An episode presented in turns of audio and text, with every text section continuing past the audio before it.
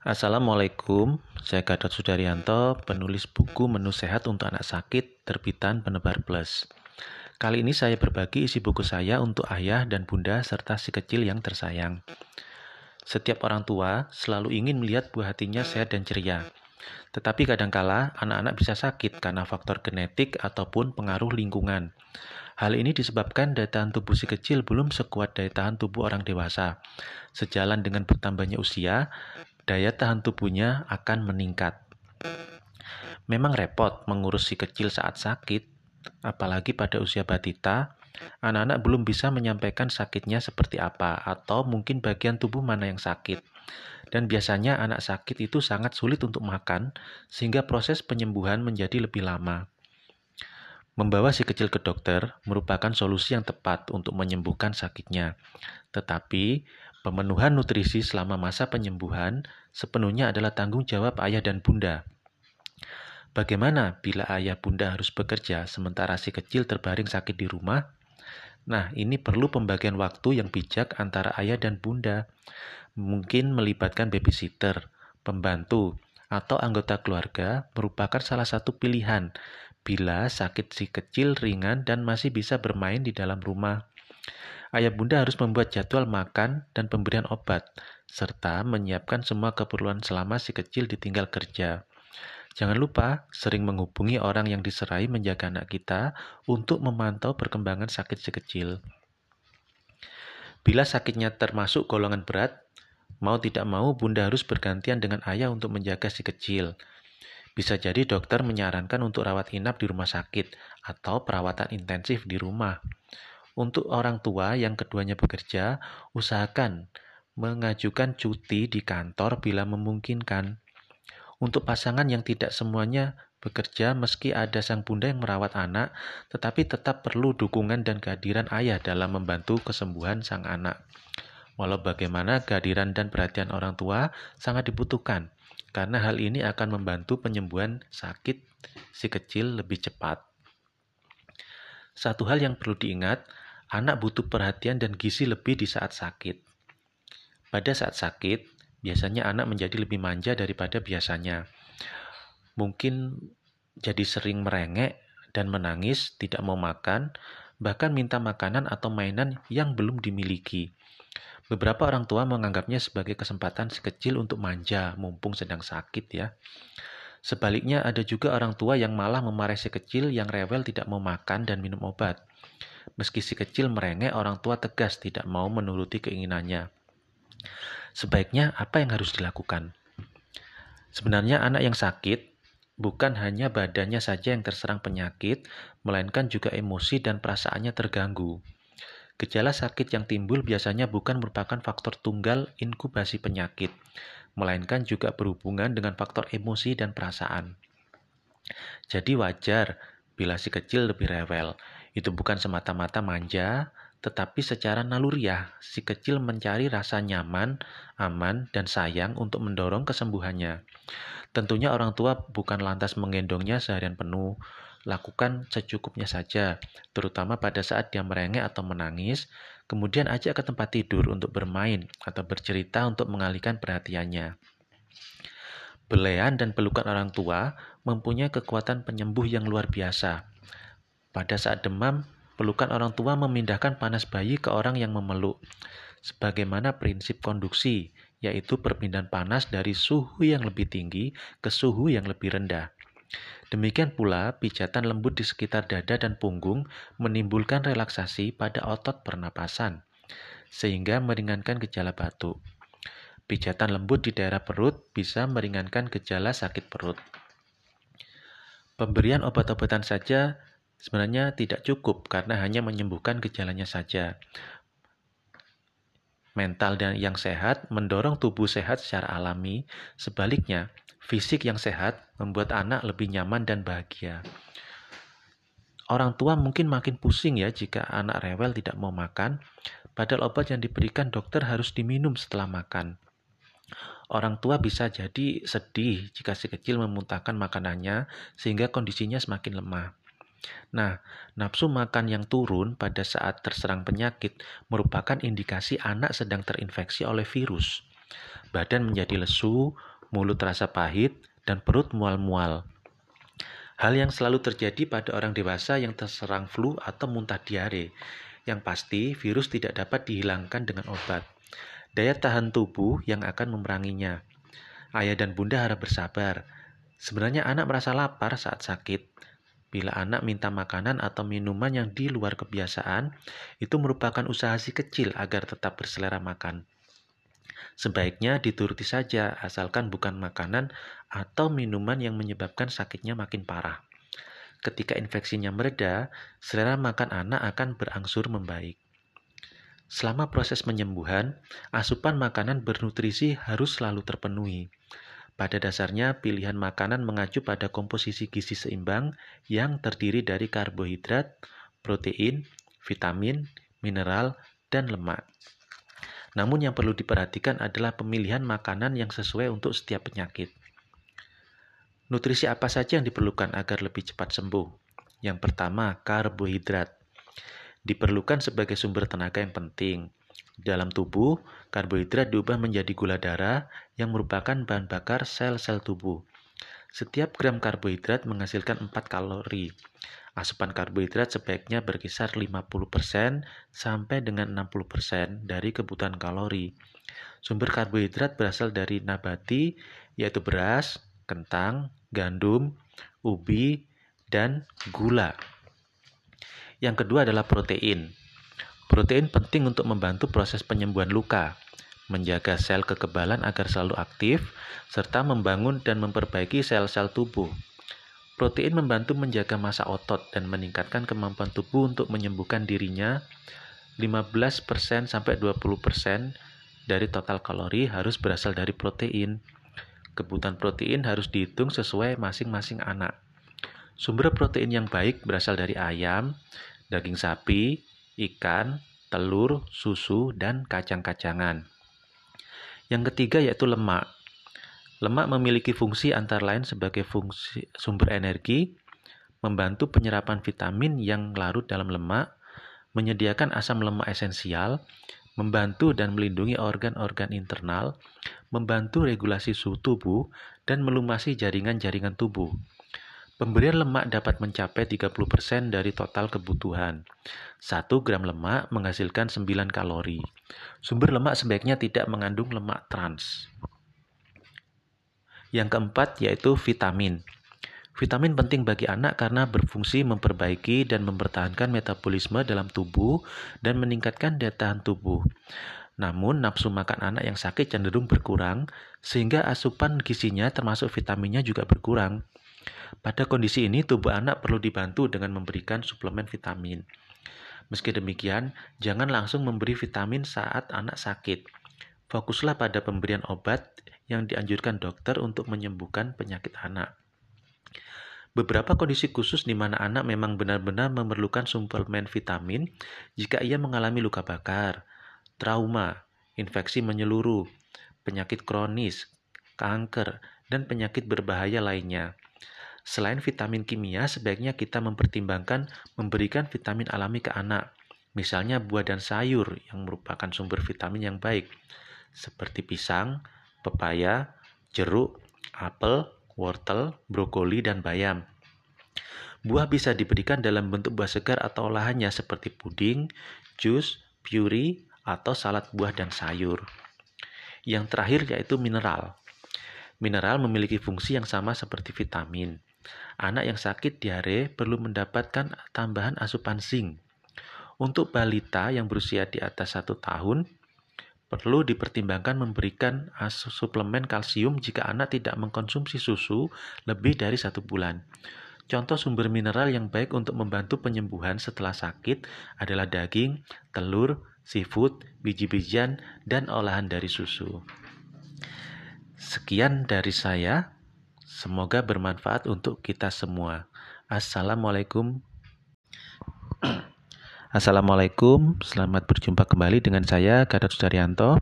Kali ini saya akan berbagi tentang beberapa penyakit yang sering melanda anak-anak. Di antaranya tifus, yang kedua influenza, ketiga batuk pilek, keempat diare, kelima sembelit, dan keenam radang tenggorokan. Penanganan gangguan-gangguan kesehatan itu biasanya cukup dengan mengelola gejala-gejalanya, yaitu mencegah pemicunya dan memberikan obat-obatan yang diresepkan dokter. Kita lanjut nomor satu, yaitu tifus. Tifus adalah penyakit infeksi yang disebabkan oleh bakteri Salmonella typhi. Penyakit ini tersebar di seluruh dunia. Kuman tifus masuk ke dalam tubuh melalui makanan dan minuman yang tercemar feses yang mengandung Salmonella typhi. Hal ini terjadi terutama di lingkungan yang kurang terjaga kebersihannya. Bila si kecil hobi jajan sembarangan atau tidak terbiasa mencuci tangan sebelum makan dan minum, ayah dan bunda harus waspada karena si kecil beresiko tinggi terjangkit penyakit tifus.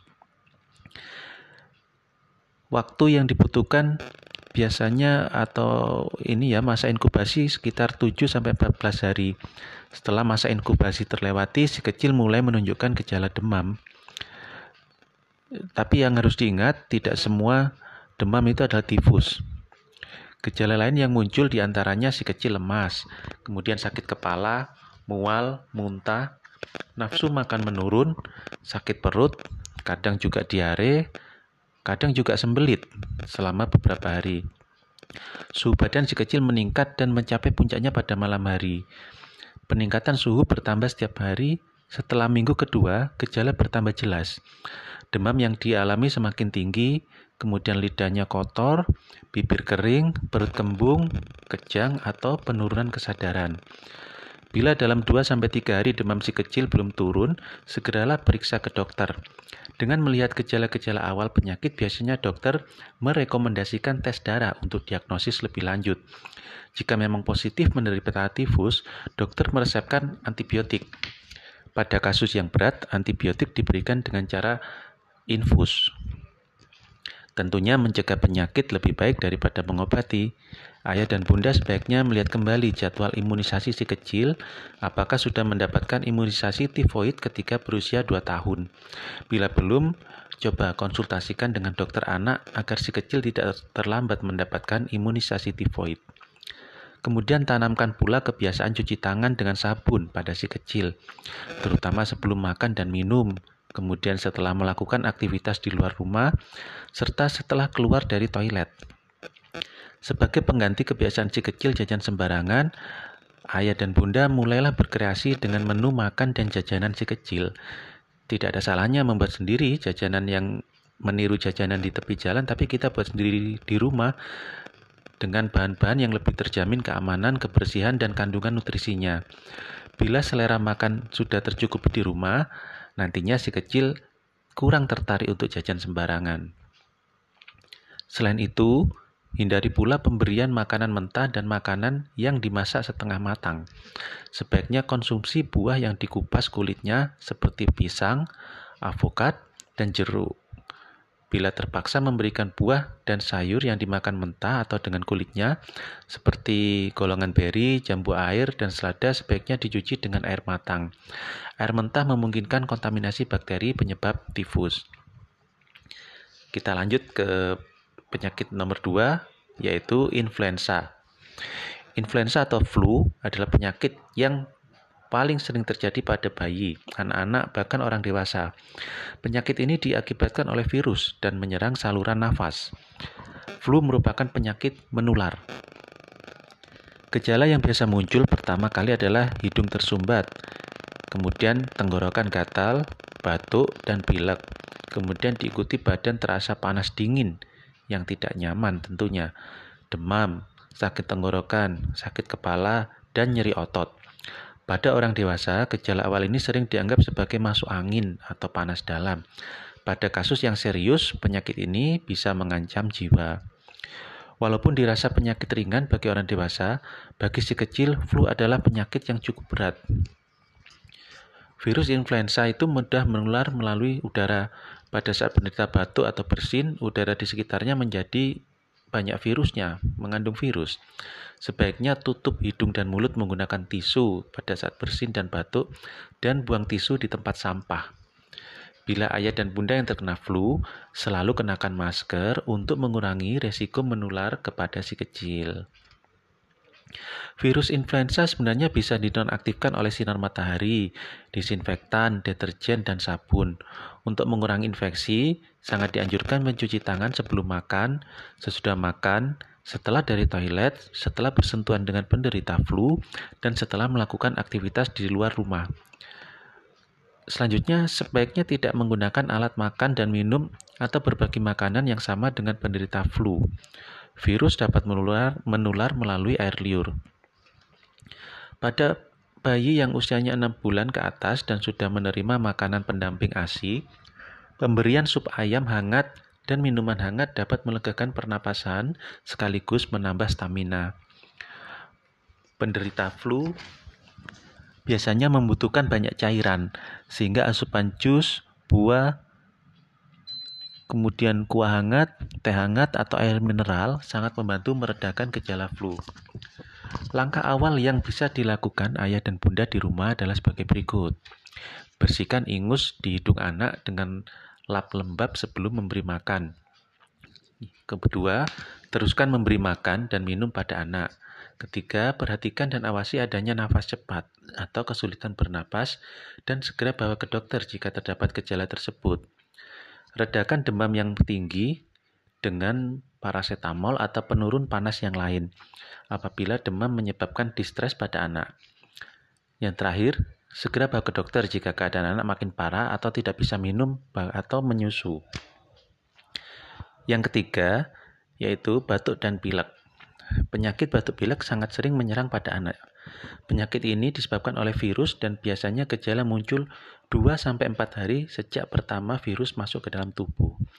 Walaupun bukan termasuk penyakit serius, pilek yang terlalu lama berisiko memunculkan komplikasi seperti infeksi sinus dan infeksi telinga. Beberapa gejala batuk pilek yang sering muncul adalah bersin, batuk, hidung tersumbat atau keluar ingus, demamnya tidak terlalu tinggi, mata berair, tenggorokan kering, sakit kepala yang, dan nyeri ringan pada badan. Gejala batuk pilek hampir sama dengan gejala influenza walaupun ada perbedaan. Gejala batuk pilek lebih ringan daripada gejala influenza. Selain itu, batuk pilek menyerang lebih lambat sementara influenza menyerang lebih cepat. Kadang penyakit ini bisa sembuh dengan sendirinya dalam waktu 7 hingga 10 hari dengan memperkuat daya tahan tubuh. Berikan si kecil makan dan minum dalam, dalam jumlah cukup dengan nutrisi seimbang.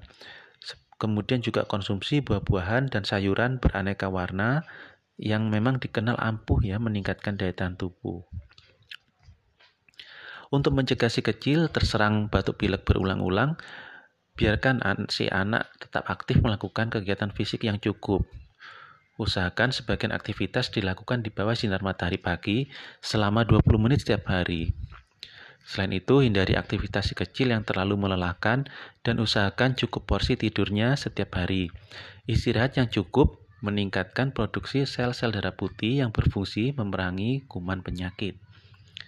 Selanjutnya adalah diare. Diare merupakan kondisi perubahan bentuk dan konsistensi feses menjadi cair atau setengah cair dan frekuensi buang air besar lebih dari tiga kali per hari dengan atau tanpa disertai lendir dan darah. Meskipun kadang-kadang diare pada anak bisa sembuh sendiri, tetapi penanganan yang akurat sangat diperlukan untuk mencegah terjadinya kekurangan cairan atau dehidrasi. Penyakit ini paling sering terjadi pada anak-anak terutama batita dan balita. Pada kelompok usia 1-4 tahun, diare merupakan penyebab kematian terbanyak. Sebagian besar diare disebabkan oleh infeksi virus, bakteri, dan amuba. Bisa pula terjadi karena intoleransi makanan atau mungkin penggunaan antibiotik. Virus yang paling banyak menyebabkan diare adalah rotavirus, sedangkan infeksi bakteri disebabkan oleh Shigella, Vibrio cholera, Salmonella, kemudian Escherichia coli. Diare yang disebabkan oleh mikroorganisme masuk ke dalam tubuh manusia sering kali melalui penggunaan tangan dan alat makan minum yang kurang bersih. Sebaiknya ayah dan bunda membiasakan cuci tangan menggunakan sabun sebelum menyiapkan makanan dan minuman sekecil. Demikian pula alat makan dan minum harus dicuci bersih dan dikeringkan. Jangan lupa cuci tangan setelah keluar dari kamar mandi. Pemberian jus buah yang terlalu manis dan terlalu sering biasanya membuat perut bayi kaget dan bisa menyebabkan diare. Demikian pula protein susu sapi seperti laktosa itu merupakan penyebab diare pada bayi yang tidak tahan terhadap laktosa. Biasanya setelah satu jam mengkonsumsi susu atau olahan susu akan muncul gejala perut kembung akibat laktosa tidak dicerna. Gejala yang muncul pada bayi dan anak yaitu mula-mula akan menjadi cengeng, gelisah, suhu badan mungkin meningkat, nafsu makan berkurang atau bahkan tidak mau makan, kemudian timbul diare. Feses makin cair dan kadang-kadang mengandung darah atau lendir. Dan warna feses berubah menjadi kehijau-hijauan karena bercampur empedu. Oleh karena seringnya buang kotoran, anus dan sekitarnya lecet karena feses makin lama menjadi asam akibat banyaknya asam laktat yang terbentuk dari pemecahan laktosa yang tidak dapat diabsorpsi oleh usus. Jangan lupa selalu mencatat frekuensi buang air besar si kecil untuk disampaikan ke dokter. Sebaiknya ayah dan bunda segera membawa si kecil ke dokter bila diare lebih dari 12 jam atau bila bayi tidak mengompol dalam waktu 8 jam, suhu badan lebih dari 38 sampai 39 derajat Celcius, kemudian terdapat darah dalam fesesnya, mulutnya kering atau menangis tanpa air mata, dan luar biasa mengantuk atau tidak ada respon. Bila penderita telah banyak kehilangan cairan, terjadilah gejala dehidrasi seperti berat badan turun, mata terlihat cekung, dan pada bayi akan terlihat ubun-ubun cekung. Bila kulit ditekan akan lama untuk kembali seperti semula, serta selaput lendir mulut dan bibir terlihat kering. Pemberian cairan oralit biasanya sering diberikan untuk terapi cairan melalui mulut. Pemberian oralit dilakukan dengan minum dua teguk, kemudian berhenti sesaat. Ulangi lagi pemberian hingga satu gelas habis. Minum oralit satu gelas sekaligus dapat memicu muntah dan bahkan buang air besar. Selama bayi dan anak menjalani pengobatan dari dokter, asupan makanan sangat penting untuk mendukung proses penyembuhan. Apabila anak harus rawat inap di rumah sakit, kebutuhan nutrisinya sudah diatur oleh rumah sakit. Untuk anak yang boleh dirawat di rumah, sebaiknya ayah dan bunda serius menyiapkan makanan dan minumannya. Oke, kita lanjut ke sakit yang berikutnya yaitu sembelit. sembelit ini lawannya dari diare karena sembelit merupakan kesulitan buang air besar karena gangguan pada sistem pencernaan. Selain orang dewasa, bayi itu bisa mengalami sembelit bila lebih dari dua hari belum buang air besar dan pada saat buang air besar kotorannya keras dan liat, si kecil tandanya mengalami sembelit. Bayi yang mendapatkan ASI eksklusif biasanya jarang terkena sembelit. Namun bayi yang mendapatkan susu formula biasanya sembelit disebabkan oleh takaran susu yang melebihi batas anjuran atau terlalu kental. Sebaiknya konsultasikan dengan dokter anak tentang takaran susu formula untuk tiap perkembangan usianya. Kemudian apabila si kecil mulai mendapatkan makanan pendamping ASI, sebaiknya ayah dan bunda selalu memperhatikan kandungan serat dietary fiber, dan cairan yang cukup dalam makanan dan minumannya. Karena kalau terlalu banyak serat bisa menyebabkan si kecil diare. Gejala yang paling sering mudah dikenali pada sembelit ini yaitu kalau si kecil rewel dan kadang menangis saat buang air besar. Kotoran menjadi keras, padat, dan cukup besar. Akibatnya si kecil menahan keinginan untuk buang air besar karena kesakitan. Padahal menahan buang air besar menyebabkan kotoran semakin keras dan padat. Sembelit bisa jadi juga karena adanya kelainan metabolisme, pembengkakan usus besar, tumor, dan kelainan saraf setempat yang eh, tanda-tanda seperti itu memerlukan tindakan dokter untuk penyembuhannya. Namun, bila dokter menyatakan tidak ada kelainan pada sistem pencernaan si kecil, berarti obat-obatan yang diresepkan dokter merupakan laksatif yang bekerja dengan cara melunakkan feses atau merangsang usus untuk melakukan gerakan mengeluarkan feses. Ayah dan bunda cukup memperhatikan menu dan pola makan si kecil, asupan serat, dan cairan yang cukup dapat menghindarkan si kecil dari bahaya sembelit. Hal lain yang perlu dilakukan agar sembelit tidak datang lagi adalah mengajak si kecil melakukan aktivitas fisik yang cukup, memberikan asupan bakteri baik bagi usus, dan membiasakan si kecil untuk tidak menunda buang air besar. Oke, kita lanjutkan lagi yang berikutnya yaitu radang tenggorokan. Infeksi pada tenggorokan paling banyak menyerang anak usia batita. Penyakit ini paling mudah menyerang anak-anak yang daya tahan tubuhnya lemah akibat kurang istirahat dan kurang gizi. Waspada selera makan si kecil yang turun karena mengeluh sakit saat menelan makanan. Ini merupakan awal, merupakan awal tanda awal dari radang tenggorokan.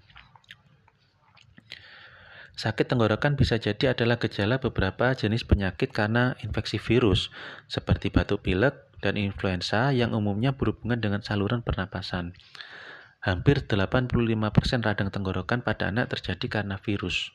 Selain itu, alergi juga bisa memicu sakit tenggorokan. Pada anak yang lebih besar atau orang dewasa, bakteri penyebab radang tenggorokan bisa menimbulkan rasa sakit yang hebat pada tenggorokan dan menyebabkan kelenjar membengkak.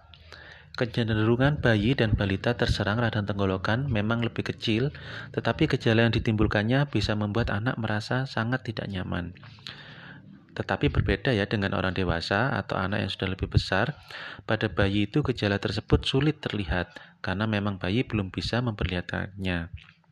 Oleh karena itu, orang tualah yang harus memperhatikan gejala tersebut. Biasanya radang tenggorokan terjadi pada bayi berlangsung 3-4 hari. Jika bayi Anda terserang radang tenggorokan, coba lakukan beberapa langkah penanganan di bawah ini. Yang pertama, beri banyak cairan, tetaplah memberi ASI, beri paracetamol sesuai anjuran dokter, bila bayinya demam tinggi, kemudian bila demam dan batuk lebih dari 5 hari serta terlihat ada ruam di perut, dada, tangan, dan kaki, segera bawa ke dokter.